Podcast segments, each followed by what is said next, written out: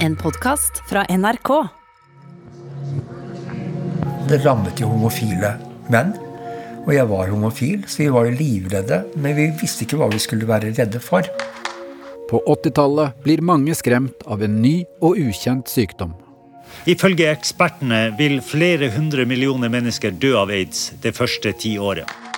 Epidemien tar særlig livet av homofile menn og sprøytenarkomane. 80-tallet og deler av 90-tallet så bar vi vennene våre til grava. Folk blir livredde for å bli smitta av hiv-viruset. Blir du syk, er det som en dødsdom. Hvordan skal vi stanse den nye pesten? Du hører på hele historien om aids-epidemien av Kristin Moxnes. Del én av tre.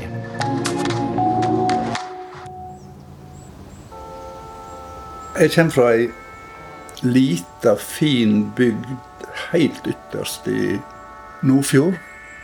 Drar en lenger vest enn til Vågsfoss, så blir en våt på beina. Når Jarl Våge vokser opp og blir ungdom på 60-tallet, er det ikke mye snakk om seksualitet. Jeg kommer fra en kristen heim, og... så jeg visste ikke at det var noe som het homofili. Og En kamerat av meg sa om en eller annen kjendis at han var homofil. Og da spurte jeg faktisk, da var jeg 17 år, da spurte jeg han hva er homofili for noe? Og han forklarte det, og da var det jo masse som datt på plass i meg. Da fikk jo det jeg var, et navn. Jeg var ung, veldig David Bowie-ish. Jens Harald Elgenes Eliassen fra Drøbak er åpen homofil allerede som 16-åring. Han viser det gjerne også når han drar på diskotek i Oslo. Altså, jeg var jentepen, for det første. Farga håret. Hadde langt Altså, jeg så ut som David Bowie, da. Jeg gikk med platåsko, så jeg fikk mye kjeft på gata, ble jula på gata og ble slengt mye skit etter. Av heterofile menn på etter, etter diskoteket på lørdagskvelden. For da var Oslo ganske konservativt. Jarl gifter seg med en kvinne, selv om han vet at han er homofil. Det som jeg bestemte meg for den dagen, det var at det er noe som jeg skal låse inn i et skap helt innerst i meg sjøl. Og der skal det få være alltid. Det var som å være på ei scene og spille et skuespill, og det tok aldri slutt. En kunne aldri skru av lyset og gå av scenen. For ikke å såre kona og sønnen blir han ti år i ekteskapet. I 1982 skiller han seg og begynner å vanke i homsemiljøet i Stavanger. De møtes fredager og lørdager i øverste etasje på Korvetten. Det er et lite sted som er ganske fullt. Masse humor. Drakk og prata flørta. Diskuterte og lo. Jeg kom til mine egne, kan vi si det. Jens Harald utdanner seg til designer i London, og han får en amerikansk kjæreste. Åh, Jack. Ja, det var en sånn stormende ungdomsforelskelse. Og han og jeg bygde store drømmer sammen. Vi var veldig forelsket. Vi bestemte oss at jeg skulle flytte tilbake til Norge og jobbe som faen et år. Og så skulle jeg komme til New York. I USA er republikaneren Ronald Reagan president. Reagan hadde sagt at han ville ikke ha homser i, i Amerika. For jeg turte ikke at de skulle tro at jeg skulle søke jobb. Og hadde sendt tegnemappa mi med noen venner som skulle til uh, New York noen uker før. På Korvetten i Stavanger får Jarl nye venner, og han får en kjæreste. Det var en amerikaner som jobba i oljen, som viste meg stor interesse. Og amerikanere er veldig sånn frampå. Mens jeg nok er nok ganske beskjeden. Han uh, presenterer seg og kjøper en øl til meg. Da. Så han og jeg blir jo kjærester ganske fort. Han er så åpen og rett fram og en uh, raus fyr. 18. mai 1982. Jeg blir møtt av Jack på flyplassen. Han har leid limousin. Det skal være ekstra fint. Og vi seiler inn mot New York.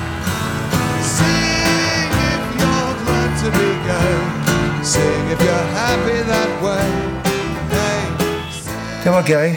Middager vi spiste jo aldri hjemme. Det var jo middager ute, drinker ute.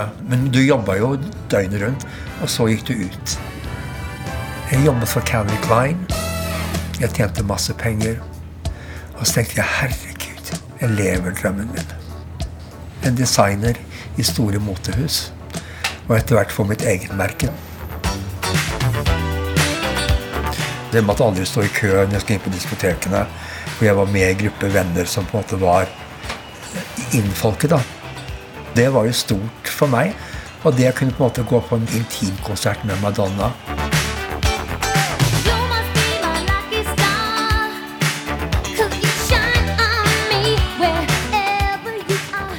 Men det er noe uforklarlig som skjer i miljøet. Unge, friske menn blir plutselig syke.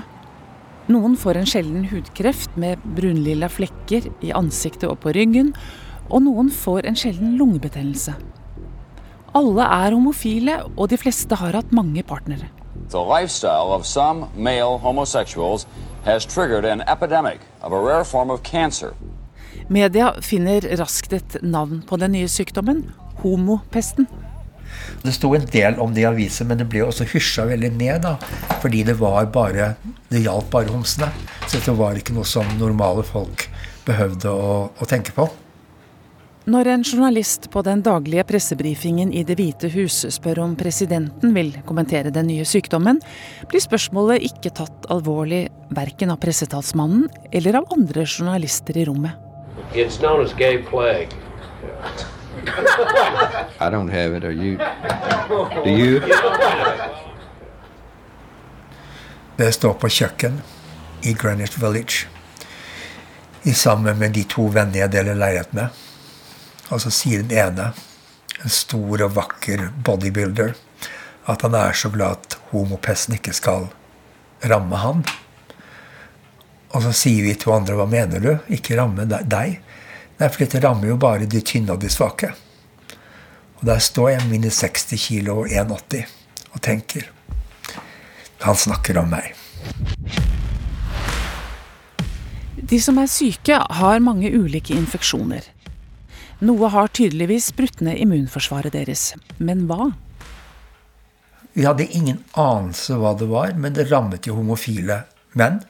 Og jeg var homofil, så vi var livredde, men vi visste ikke hva vi skulle være redde for.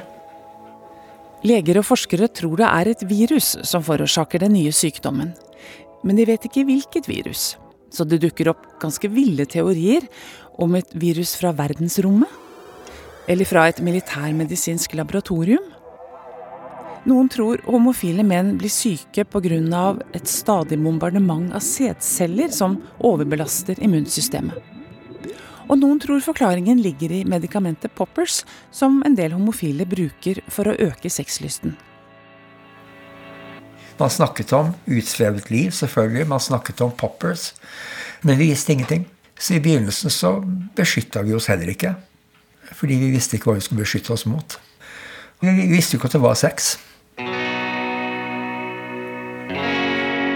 I Stavanger dyrker Jarl nye vennskap og kjæresten.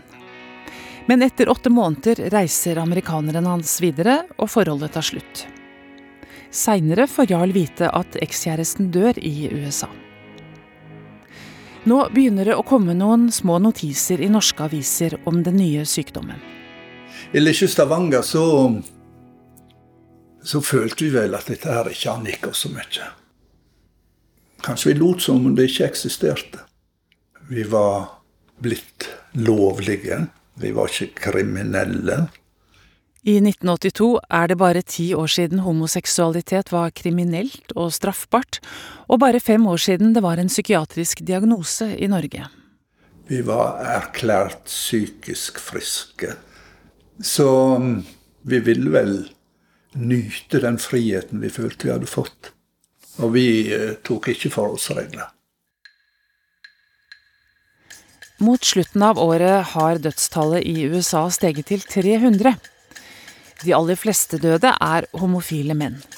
Men blant de døde er det også noen heterofile, sprøytenarkomane og barn. Homopesten får et medisinsk navn i 1982 aids. It's mysterious, it's deadly, and it's baffling medical science. Acquired immune deficiency syndrome. Once thought to affect only promiscuous homosexual males, AIDS is now spreading in epidemic proportions to other segments of the population.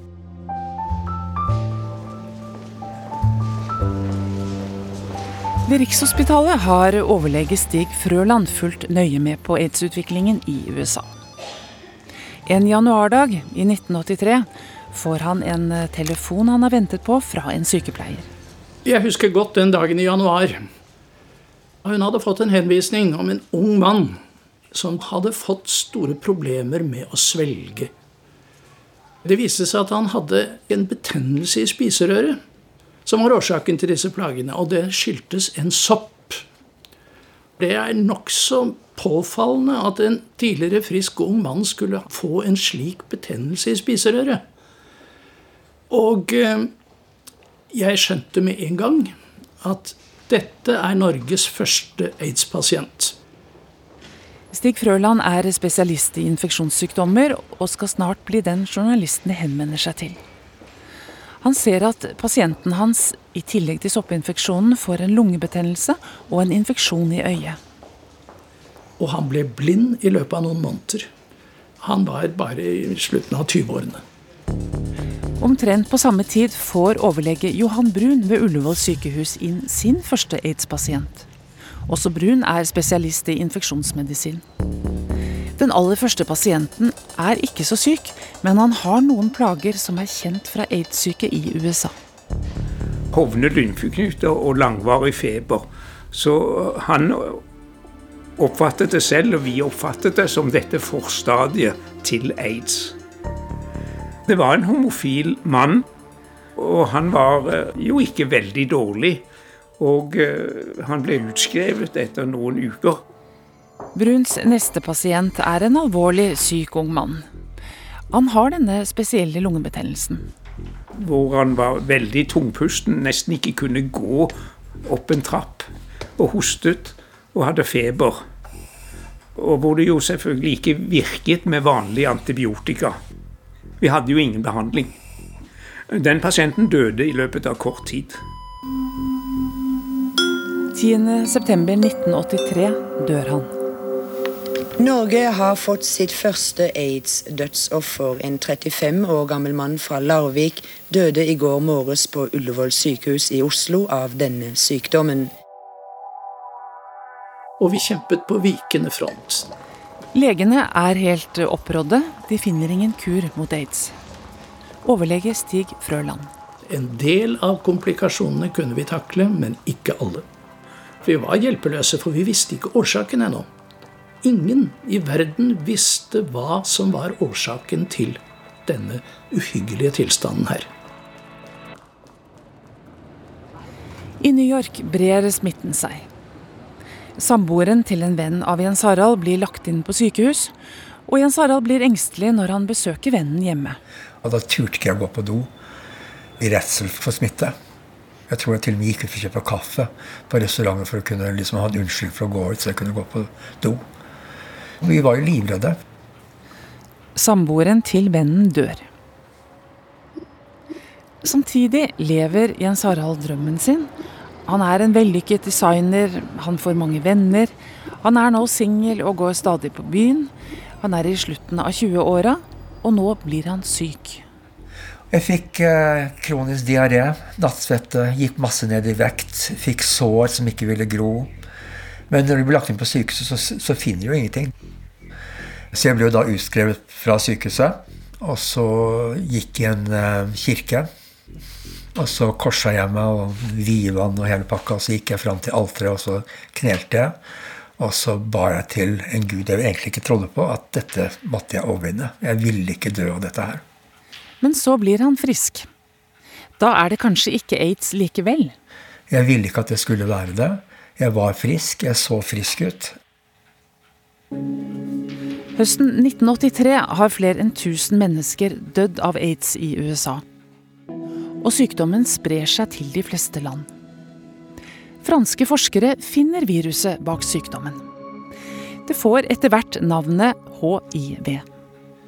Dette viruset, som alle andre virus, de må inn i celler for å lage trøbbel og sykdom. Viruset kommer seg inn i cellene gjennom blod eller sex. Særlig ved analsex, fordi slimhinnen der er tynnere. Derfor er homofile den store risikogruppa. Det viser seg at det tar måneder, kanskje år, før den som er smittet, blir syk. Fra første stund, fra det har spredd seg rundt i kroppen, så jobber viruset på spreng. Det deler seg, det produseres hundrevis av millioner, milliarder nye viruspartikler i døgnet. Uheldigvis velger hiv-viruset å angripe akkurat de cellene som er kjempeviktige for immunforsvaret vårt.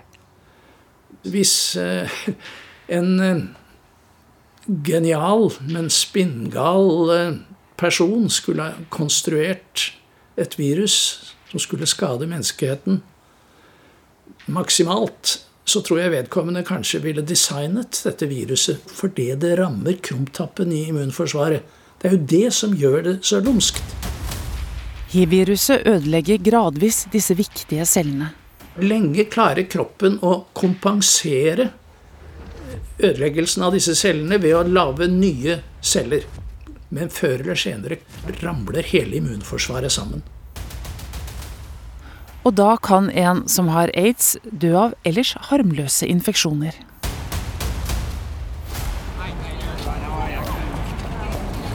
New York møter Jens Harald nå en ny mann. Han var filippiner.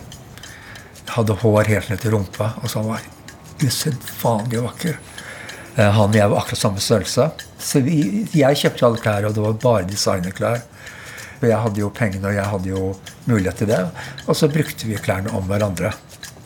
Og var da det man kan kalle et radarpar, vil jeg tro. Sånn er livet. Et program for deg som har radio.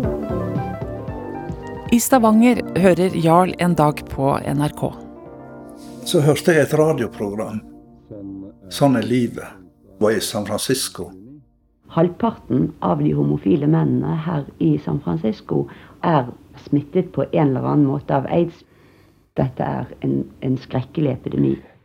Jarl står på kjøkkenet og tenker på kjæresten han hadde, amerikaneren som siden døde.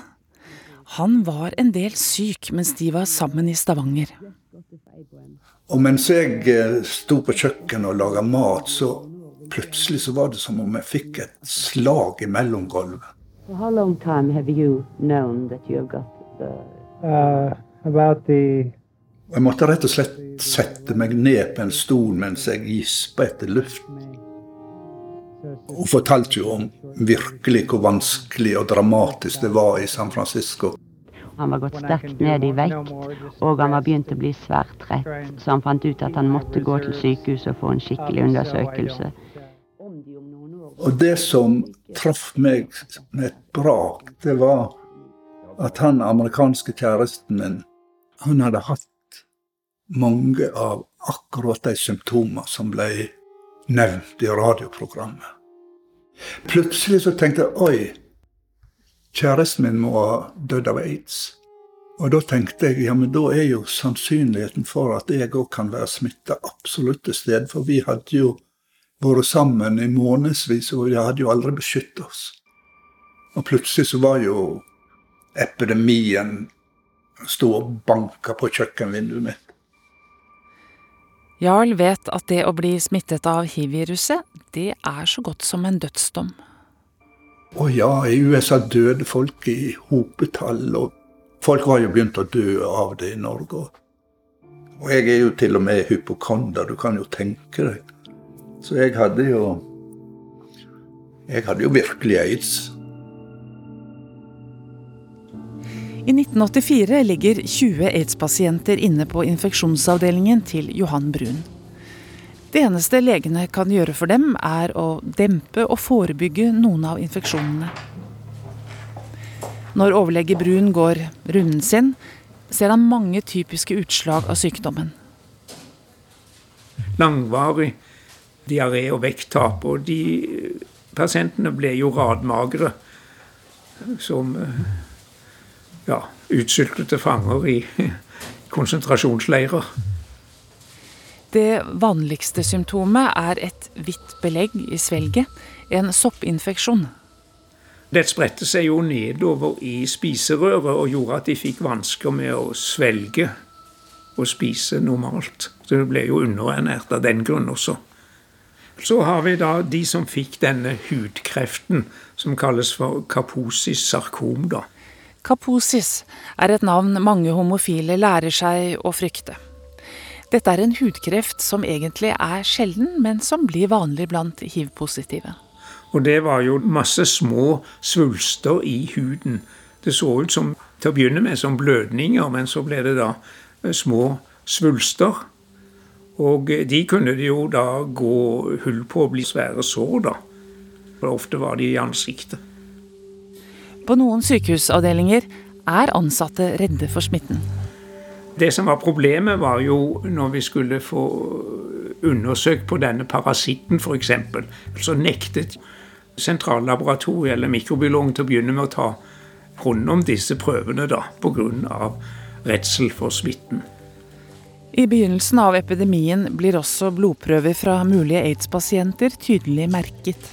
De skulle merkes spesielt med en sånn skrikende oransje-rød merking. Rundt omkring i landet så skjedde det jo lenge at man nektet å ta prøver, og man nektet å operere pasientene f.eks. Inne på infeksjonsavdelingen på Ullevål derimot er sykepleierne trent i å forholde seg til smitte. Anne Lise Fjellet er nyutdannet sykepleier. Jeg kan ikke huske egentlig at jeg var redd. I begynnelsen så var vi tildekt med det som vi kaller for dråpesmitte i dag. Og det er frakk og hansker og munnbind.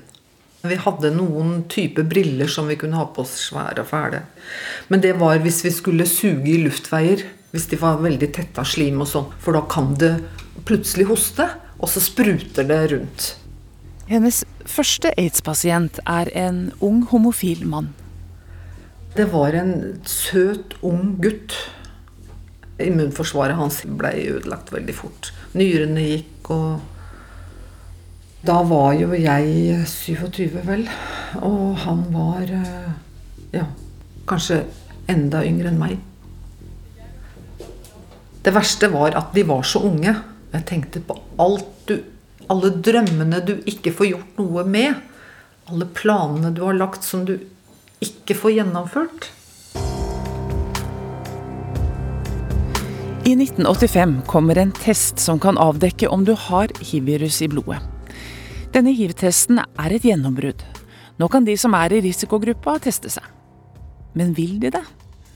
Jarl kjenner på mange symptomer. Var kjempesliten og forkjølt og syntes jeg hadde feber og i hele tatt så om jeg hadde utslett. Men jeg utsatte og utsatte og utsatte å teste meg.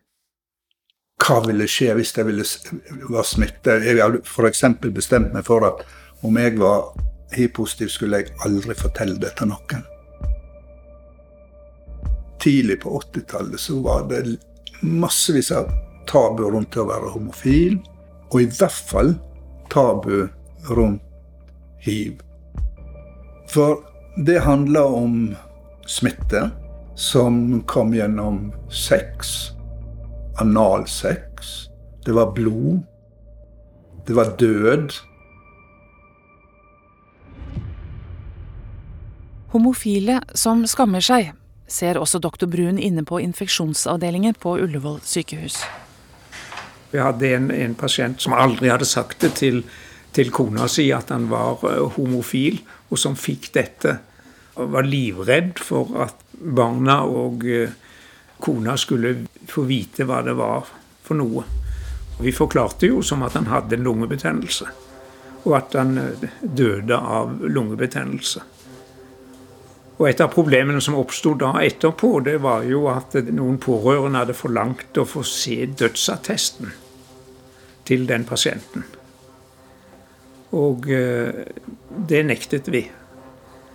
Det ble klaget inn til Fylkesmannen og fikk pålegg om å opplyse om det, men vi gjorde ikke det, da. Noen pasienter har ikke engang fortalt familien at de er innlagt på sykehus, og Annelise beskytter anonymiteten hvis pårørende ringer. Pårørende de ringte jo avdelingen og sier kan jeg få snakke med Ola Nordmann. Nei, beklager, den pasienten ligger ikke hos oss. Jo da, jeg vet at han er der, jeg. Ja. Nei, jeg beklager, men eh, Ola Nordmann han ligger ikke hos meg. Hun lyver om nødvendig. Kosta meg ikke en kalori. Det var min pasient, det var ikke min pårørende. Det var min pasient, så han beskytta jeg. Så kanskje det ikke var så rart at de positive var redde for at det skulle komme ut, når en ser på reaksjonen, når det blir kalt Guds straffedom mot homofile. Biskop Bjørn Bue preker i en høymesse. I en generasjon nå har det blitt forkynt at seksualliv som er mot naturen, skal være naturlig. Og i dag skjells været for aids, en sykdom som er et resultat av et menneske lever i utakt med Guds lov. Synda straffer seg.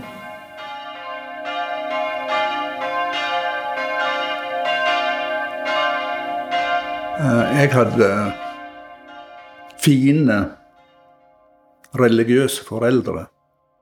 Og homofili var jo noe som for dem ikke eksisterte, går jeg ut ifra. Jeg var hjemme på sommerferie og det var en fin dag.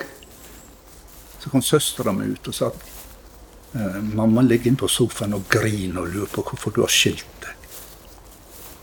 Og Da sa jeg til henne at eh, ja, men da forteller jeg henne. Ja, gjør det, sa Så jeg gikk inn, og der lå mor mi på sofaen og var veldig ja, oppløst i tårer. Så jeg satte meg på kanten, og så sa jeg eh, jeg hørte du lurte på hvorfor jeg har skilt meg. Ja, sa hun. Det lurer jeg på. Og så sa jeg, men du veit det. Og jeg sa ikke mer. Og da Det gikk veldig innpå. Så innpå at hun fikk et sammenbrudd etter hvert, så vi måtte faktisk ringe lege. Hun måtte få beroligende sprøyter. Det ble så vanskelig å være der, så jeg sa om kvelden at jeg reiser i morgen. Så tidlig neste morgen så stiltra jeg meg ned trappa. Og kom ned på kjøkkenet, og der var mor mi. Hun hadde stått opp og laga frokost. Og smurt nistepakke full av næring og kjærlighet.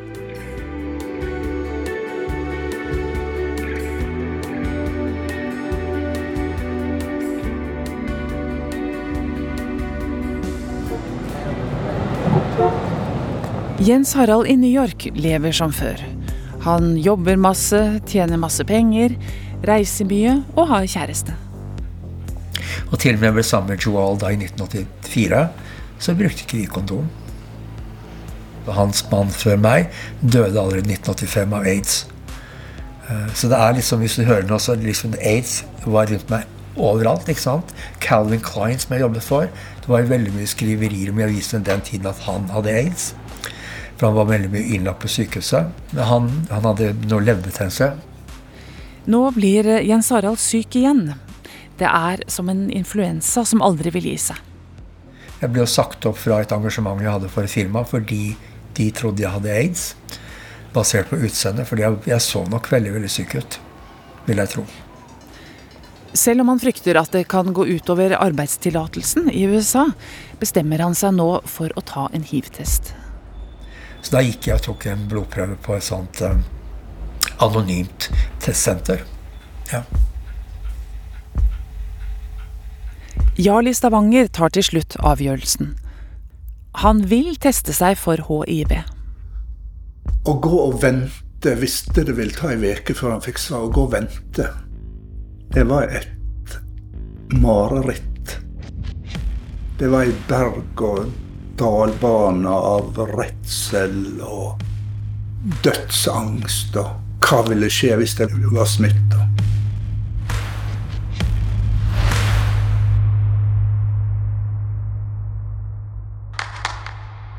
Du har hørt første del av hele historien om aids-epidemien. I neste del smitten sprer seg.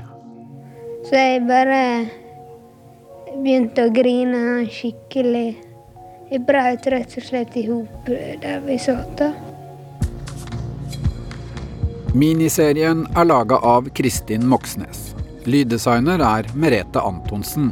Produsent Kaja Frøysa. Redaktør Siril Heierdal.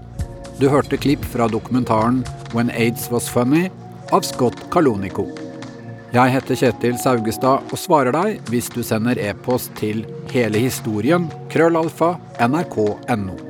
Episodene får du først i appen NRK Radio.